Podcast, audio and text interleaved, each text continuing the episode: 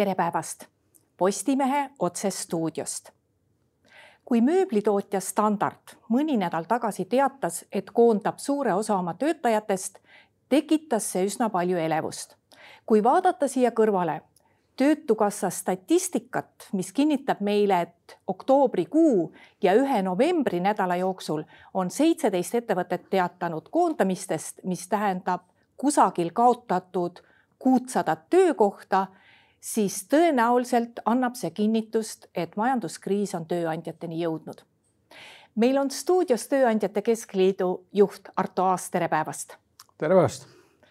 no kas see standardi koondamine võis siit välja lugeda või võib siit välja lugeda, et selliseid asju suurtel tuntud ettevõtetel võib juba lähiajal veel tulla, mida tööandjad räägivad, kuidas tööandjad tunnetavad? Jah, me näeme seda päris palju, et, et olukord on muutunud viimase paari kuu jooksul üldse sügisel palju tõsisemaks, meeleolud palju kurvemad või, või mõtlikumad. majandus on ilmselt meie viimases kvartalis kerges languses, et seda jahtumise tunnet näeb nagu igast sektorist. Ja, ja kindlasti ka tööstuses et standard selles mõttes on võib-olla jah, ilmekas näide, et töötlev tööstus, kus sisendhinnad on plahvatuslikult kasvanud, äh, nii materjalide hinnad, äh, tööjõu äh, hind, aga loomulikult eelkõige energia hind. et sisendhinnad on kasvanud, samal ajal majandus jahtub, ebakindlust on hästi palju, mis tähendab omakorda seda, et, et ka noh, mööblitootjatel on tellimusi vähem, äh, on vähem kliente, kes tahab praegusel ajal midagi ehitada või, või väga suuri investeeringuid teha. nii et see on surve nagu mõlemalt poolt, kulud on üleval, tulusid ei tule ja sa pead selles olukorras otsustama, kuidas käituda, kas, kas siis mõnda aega kannatad äh, seda rasket aega või, või teed need äh, valusad otsused kohe ära ja, ja tõepoolest neid koondamisi on olnud ja ma kardan, et me sel talvel näeme neid veel. no töötus töötukassa statistika kinnitab ka seda, et enamus neid koondamisteateid ongi tulnud just nimelt töötlevast tööstusest. no alati on see mingisugune viimane õlekõrs, mis äh, murrab siis kogu selle loo päris katki. kas see viimane kõrs või viimane suur põhjus on siiski energeetika, mille puhul ju tegelikult juba tükk aega oli ju näha, juba eelmisel talvel oli näha, et need hinnad lähevad väga üles ja juba eelmisel talvel oli teada, et ega see küsimus ei lahene paari kuuga, et see ei ole mingi paarikuine anomaalia, see on olukord, mis tuleb, et jääda. et kas see energia on praegu see kõige suurem põhjus või ikkagi on mingeid muid kõrvalpõhjuseid ka? No põhjuseid on tavaliselt sellise suure kriisi puhul ikkagi mitu ja, ja need kriisid siis nagu kulmineeruvadki sellepärast, et on palju erinevaid negatiivseid põhjuseid. aga energiahindade kasv loomulikult üks peamine, et siin paari aastaga, eks elektri hind viiekordne, gaasi hind äh, üheksa korda tõusnud. Äh, ja isegi kui on tehtud äh, investeeringuid, et tootmine oleks energiatõhusam ja nii edasi siis noh, kogu sellist hinnatõusu alla neelata on ikkagi väga keeruline, eriti energiamahukates tootmistes, kus energiat kulub, tööstuses väga palju gaasi kasutatakse, et seal on, on ikkagi olukord raske ja kõigil ei ole õnnestunud selle aasta jooksul siis teha paremaid kokkuleppeid, fikseerida seda hinda kuidagi mõistlikul tasemel. et, et sellised mured on jah, ja, ja kui sul ütleme siis tõesti ka muud hinnad tõusevad ja, ja samal ajal tellimused kukuvad siis sa pead valima, mida teha. Äh, koroonakriis õpetas, et ega inimestest kergekäeliselt keegi loobuda ei taha, et inimesi on Eestis vähe, oskustöölised on kulla hinnaga ja neid tahetakse kinni hoida. aga ühel hetkel on tööandja siis otsuse ees, et, et noh, kas peab kellelgi laskma minna äh, või siis äh, mõne aja pärast võib-olla tervikuna pankrotti kukkuda, et ka standardi puhul me täna ju ei räägi pankrotist. pankrotte veel on õnneks suhteliselt vähe aga me siiski näeme, et äh, koondatakse inimesi, et mingi osa ettevõttest jääks siiski ellu elada need rasked ajad üle ja võib-olla siin aasta või kahe pärast läheb juba paremaks. ja praegu, mis muidugi on, äh, on niisugune erandlik või esmakordne üle pika-pika ajaga tehnoloogiasektor ja IT-sektor koondab. et ka seal on suur jahtumine toimunud. et, äh, et sellist olukorda pole ammu olnud ja ka koroonaaegadel näiteks tehnoloogiasektor suhteliselt muretult elas üle, pigem isegi kasvas aga, aga jah, et, et kui see jahtumine on jõudnud juba ka IT-sse ja tööstusesse, et siis on ilmselt suhteliselt laia mõjuga ja me näeme siin tõenäoliselt neljandas kvartalis seda, et tööpuudus kasvab ja, ja mõned ettevõtted panevad uksed kinni mis seda IT-sektorit kõige rohkem mõjutab praegu? see tundub tõesti üllatav olevat. no mõnes mõttes on see loogiline jahtumine või, või noh, võib-olla saab öelda ka mõnes kohas on ka mulli lõhkemine.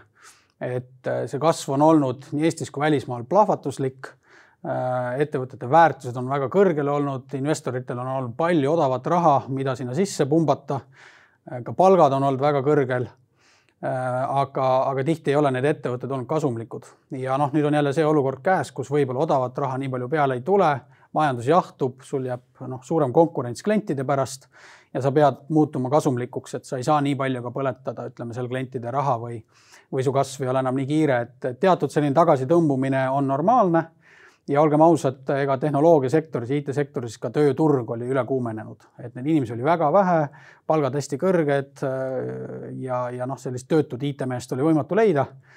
ega sarnaselt meeleolud olid ka pikka aega tööstuses, et, et kui suurt pilti vaadata, ka need viimased koondamise numbrid, kuussada inimest, ega nad tööturgu ei ole veel nii-öelda langusesse pööranud, et tulid ka kolmanda kvartali tööturu näitajad. Tööturg on päris heas seisus veel, et, et selles mõttes äh, ka need inimesed, kes on täna saanud koondamisteate kätte, ei peaks ülemäära murelikud olema, sest tööd veel on. Äh, ma arvan, et head spetsialistid leiavad praegu ka päris kiirelt töö äh, uuesti. Ja, ja on ettevõtteid, kes on võib-olla isegi rahulikud või õnnelikud, et selline jahtumine on toimunud, nad leiavad kergemini uusi töötajaid ja tööpuudus pole plahvatuslikult kasvanud. nii et paratamatu, majandus on tsükliline, vahepeal läheb hästi, vahepeal halvemini. praegu tundub, et oleme sellises languse faasis. aga, aga tugevamad jäävad ellu ja, ja mõned kindlasti sellest äh, languse faasist oskavad ka oma positsiooni tugevdada.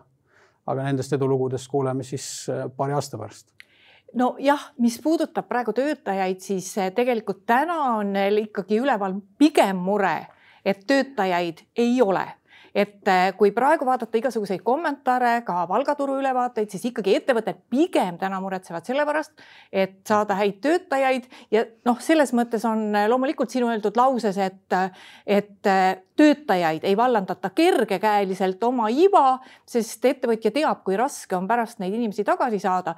no ma toon siin kasvõi lennuväljade näite see oli küll koroonaaegne, aga tõesti, kui ühel hetkel lasti kõik töötajad lahti, siis eelmisel suvel oli tohutu suur probleem kogu maailmas, Euroopas vähemasti, et neid tagasi saada. et, et praegu veel ettevõtja ikkagi peab selle peale mõtlema, et kui mul on seal ülitubli Juhan või Jaan, kes on minu ettevõttes töötanud, et siis ma ikkagi natuke üritan teda seal hoida, isegi kui läheb kehvasti ja no Eesti turul tegutsejad jah, on pigem selle mõtteviisiga ja täna ka küsitluste järgi ikkagi neid on rohkem, kes noh, tunnevad muret töötajate palkamise pärast, kui neid, kes muretsevad, et nad peaks nüüd massiliselt koondama. ja ka seda koondatute hulka vaadates, see on täna null koma üks protsenti Eesti tööturust, et meil on üle kuuesaja viiekümne tuhande töötaja, noh, kuussada nendest ei ole ei ole veel väga massiline hulk ja, ja tõepoolest ka sinu toodud näited, eks ju, seal lennujaamast, aga täpselt samasugused mured olid meil ähm, hotellide, restoranide, teenindussektoris, nad olid sunnitud koroona ajal inimesi koondama, sest et noh, lihtsalt tulusid ei olnud, neil olid uksed suletud ja hiljem neid tagasi leida oli väga raske. ja, ja noh, natukene aidati teistes sektoris ka riikliku palgatoetusskeemiga, et ei pidanudki inimesi koondama lühiajaliselt et see õppetund on hästi meeles jah, et kui vähegi võimalik, inimesi hoitakse, häid spetsialiste on jätkuvalt vähe. Äh, ja, ja meie demograafia Eestis muidugi appi siin ei tule. et statistika näitab, viis-kuus tuhat töökätt aastas siiski jääb nagu vähemaks Eestis. elanikkond vananeb, sündivus on suhteliselt madal. Äh, välistööjõudu me noh, liiga niisugust lahkelt Eesti riiki ei ole suhtunud. et see surve tööturule jääb ja, ja häid inimesi on, on raske leida ja neid tuleb hoida. Kuidas pangad praegu ettevõtetesse suhtuvad, et ühelt poolt me teame, et tavaliste inimeste puhul, kes lähevad sinna kodulaenu võtma, siis nad peavad arvestama, et need laenutingimused karmistuvad ja võib-olla nagu mingi korteri ostmisel isegi tervet finantseeringut pangast ei saa. Aga kuidas ettevõtete puhul on, et kui kahtlustavad on pangad, et kui, kui hästi tagavad nad ettevõtetele ka likviidseid vahendeid? Kindlasti on äh, väljakutse ja, ja probleem väiksematel ettevõtetel ja, ja võib-olla ka need, kes täna on sunnitud koondama või lausa pankrotti minema, nendel ongi ka likviidsusega olnud nagu pikemat aega mure. ja, ja ei ole seda puhvrit, et ka koroonaaeg ka paljudel, eks ju, põletas selle rasvakihi ära, ei ole neid puhvreid, mida seda kriisi praegu üle elada, mille abil seda kriisi üle elada. ja nad on siis sunnitud tegema niisuguseid äh, raskeid otsuseid.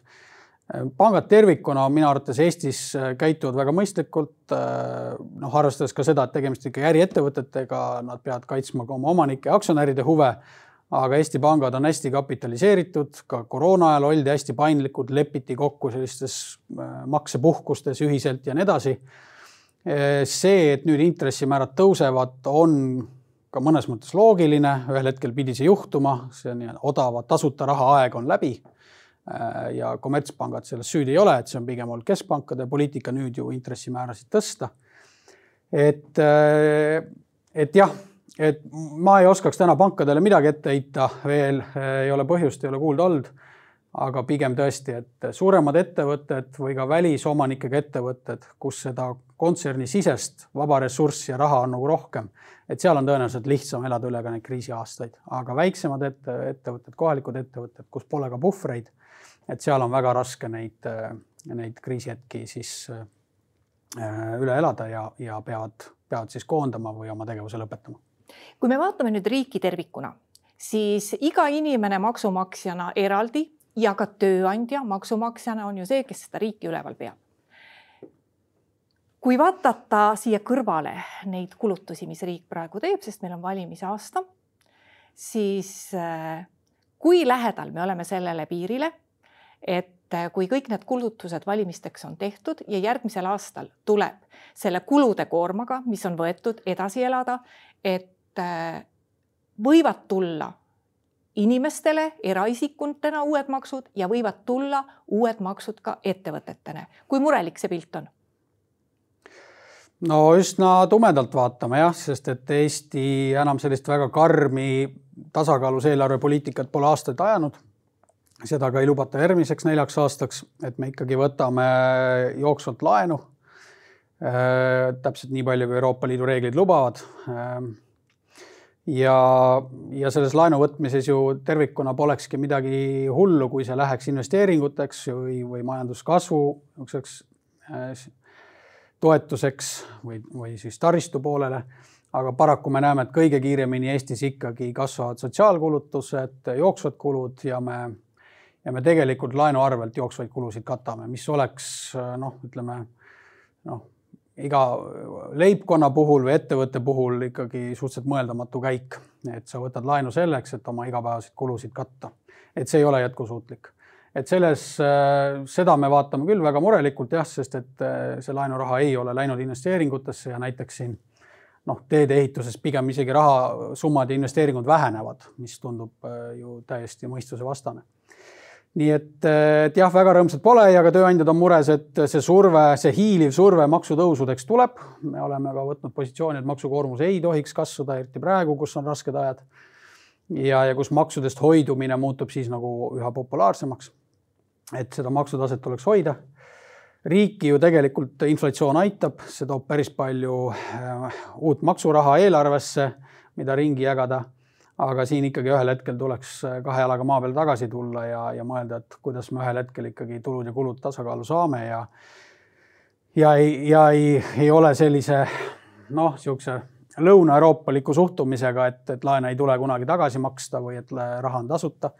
me täna näeme, et see aeg on läbi, on intressimäärad tõusevad, äh, ka riik võttis laenu, intressimäär on väga kõrge, me maksame varsti kümneid ja sadu miljoneid eurosid lihtsalt oma riigivõla intressideks, äh, ilma et me sealt pealt nagu midagi väga olulist lisandväärtust majanduses kasvataks. et see trend on murettekitav. No ühe maksutõusu ju saime juba, maa maksustamise hinna korrigeerimine on ju kahtlemata ka maksutõus, kuigi neid lõplikke tagajärgi veel täna ei tea jah, aga siin ma pean muidugi ütlema, et eks see on kakskümmend aastat eelmiste valitsuste tegemata töö ka, et, et seda on vahepeal üritatud, on ebaõnnestunud, alati on tulnud valimised ette ja nii edasi, et noh, mida rohkem sa seda edasi lükkad, seda valusam see otsus on. täna need riskid on muidugi inimeste jaoks noh, maandatud, et see maksutõus ei saa väga kõrge olla ja, ja tõsi see on, et, et ma ei ole olnud väga kõrgelt Eestis maksustatud, teatud, sealt võib näha Äh, hea tahtmise juures ka positiivseid äh, niisuguseid mõjusid. et, et tühjana seisev maa või, või niisugune söötis seisev maa äkki leiab paremat rakendust, et me võtame rohkem oma sellest maast ja kinnisvarast välja, mis meil niisama siin jõude seisab aga tõepoolest, et niisugune pisikene maksukoormuse tõus sealt nüüd lähimateks aastateks tuleb, mina isiklikult arvan, et et, et noh, minu elupäevade lõpuni võib arvestada, et maamaks iga aasta kümme protsenti kasvab kuidas on ettevõtete suhtlemine, need, kes on riigile mingites osades partnerid, et kuidas on läinud nüüd ettevõtete suhtlemine riigiga ses mõttes, ma mõtlen transpordifirmasid. Need, kellel on näiteks bussilepingud, mis äh, on tehtud tükk aega tagasi ja mille puhul ju igasugused kulud ettevõtte jaoks, kütus eelkõige on tõusnud. noh, täpselt samamoodi ka näiteks teedeehitajad, et kui sul on igasuguste asjade hinnad tõusnud, siis sul on väga raske lepingutest kinni pidada, ehk siis jääda nende numbrite juurde, mis hankel välja käidi. et kui libedalt need läbirääkimised on läinud, kui palju riik ja kas üldse on tulnud ettevõtjale vastu? Äh, mõnes kohas on tulnud, aga see üldine niisugune tunne ettevõtjatel on äh, eriti siin nüüd ehitussektoris ja transpordisektoris, et riik on ikkagi olnud suhteliselt jäik ja paindumatu ja, ja selles mõttes lühinägelik, et kui sa ei aita ka no, oma lepingupartneril sellest kriisist läbi tulla kus tõepoolest see hinnatõus on olnud paratamatu ja mustvalgel nähtav, et see ei ole mingi kasumlikkuse kasvatamine, vaid see on ikkagi äh, tingitud sellest, et äh, ka siin sõjategevuse alguses teatud materjalide hinnad kasvasid mitu korda. ja, ja, ja need on sundkulud. et kui seal riik vastu ei tule ja ei aita neid kulusid näiteks indekseerida või või teatud äh, kohustusi äh, kompenseerida, et, et siis need ettevõtted noh, kas loobuvad, lähevad pankrotti ja riik jääb nagunii sellest teenusest ja sellest lõpptulemusest ilma ja kui ta uue hanke teeb, siis on hinnad hoopis midagi muud. et, äh, et teatud kokkuleppeid siin on, on tehtud ka transpordisektoris, aga, aga just ütleme, ehitajad on ja teedeehitajad on, on kõige suurema kõige suuremas masenduses, et, et seal sektoris paistab, et noh, hinnad on tõusnud, mahud langevad ja, ja kõik meie ka enda unistused siin neljarealistest teedest Pärnusse ja, ja Tartusse lükkuvad jälle aastakümnete taha. No vot Euroopa Liit ju või Euroopa Liidu ühine turg ju toimib tavalises olukorras sellistel põhimõtetel, et riik ei tohiks sinna väga palju sekkuda, ehk siis, et riik ei tohi oma hea äraarvamise järgi äkki otsustada, et vot ma toetan seda asja või toetan teist asja, sest muidu sa oled kohe nagu paremas konkurentsis Euroopa Liidu ühisturul. nüüd see majanduskriis on selle natuke segamini löönud. et kui me vaatame kasvõi energia hinna kompenseerimist, siis väga paljud riigid Äh, teevad seda üsna heldekäeliselt ja paremini kui Eestis. kui ebavõrdsesse seisu meie ühisel turul see ikkagi ettevõtjad praegu paneb?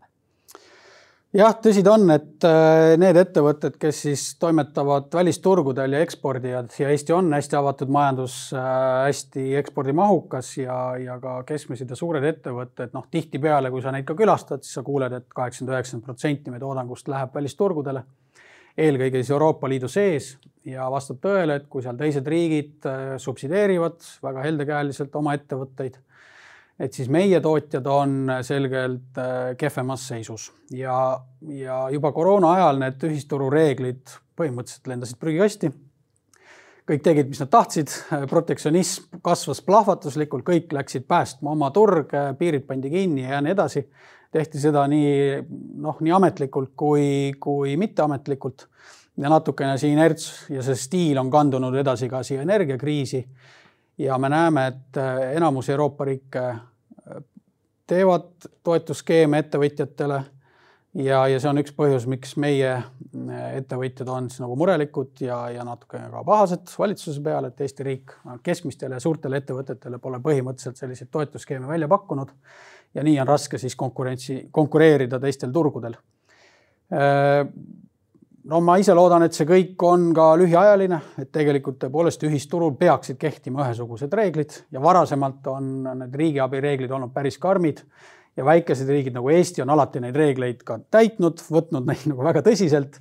aga mida me näeme, noh, siin eelkõige suurriigid, kellel on palju raha, noh, Saksamaal väga palju raha ja ligi pool üldse kogu Euroopast antavast riigiabist äh, antakse Saksamaal, anti Saksamaal. Ja teine meie tööstuse jaoks niisugune kõige suurem konkurent, kes elab ka pisut oma reeglite järgi, on ikkagi Poola. et seda me kuuleme tööstust väga palju. suur riik, ka palju töötajaid, suured mahud, oma valuuta, mida nad saavad devalveerida vastavalt vajadusele, suhtuvad ka riigiabi reeglitesse suhteliselt niimoodi loominguliselt. et, et seda kuuleb päris tihti jah, et meie regioonis teatud teised riigid siis mängivad oma reeglite järgi ja see teeb meie ettevõtjate elu keerulisemaks. kuidas meie tööandjad ja ettevõtjad praegu ette näevad, kus oleks see koht täna, kuhu peaks riik ja kuhu peaks valitsus appi tulema? noh, kas just pikaajaliselt, aga lühiajaliselt vähemasti no me küll tahaks ja, et riigil oleks selgelt sõnastatud pikk plaan, et mis saab ka meie majanduskeskkonnast ja et oleks selgelt sihiks pandud, et me peame olema kõige konkurentsivõimelisema majandusega ruum äh, siin regioonis ja puudutab siis nii makse, tööjõu küsimusi, muid regulatsioone, et me kogu aeg võrdleks ennast parimatega ja, ja teaks, eks, mida meie konkurendid teevad. ja, ja noh, kriisi hetkel siis ka nagu aitaks meie, meie ettevõtjaid. täna on kõige suurem küsimus kahtlemata jätkuvalt energia hind.